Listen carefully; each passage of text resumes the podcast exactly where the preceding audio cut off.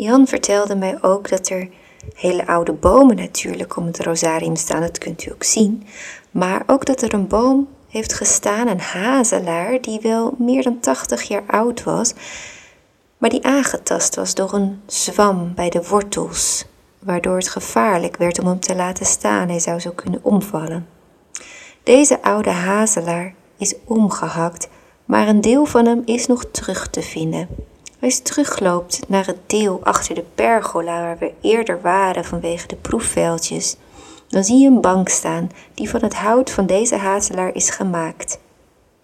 De bank heet de Van Gemerenbank. Hij is vernoemd naar meneer Van Gemeren, die ook in de tachtig is en hier nog steeds regelmatig komt in het rosarium.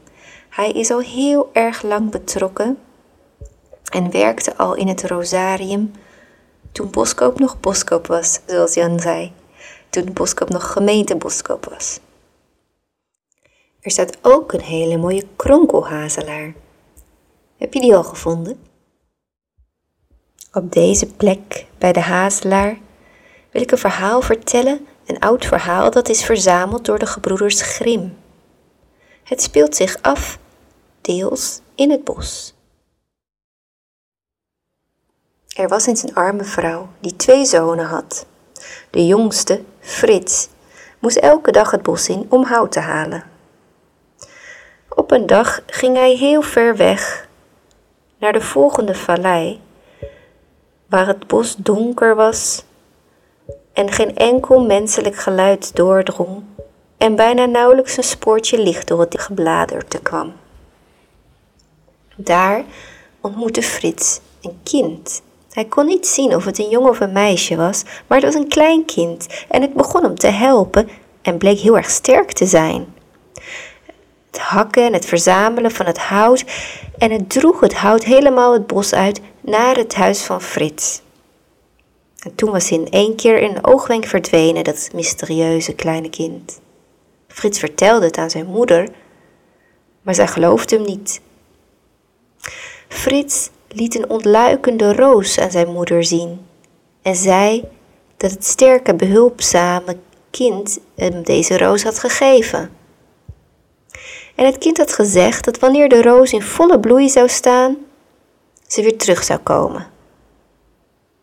De moeder plaatste de roos in het water en zette hem op de vensterbank. Daar bleef de roos vele maanden staan zonder dat hij maar iets veranderde. Hij bleef in de knop op het punt om te ontluiken, maar niet in volle bloei. Hij leek wel vers gesneden uit een rozenstruik.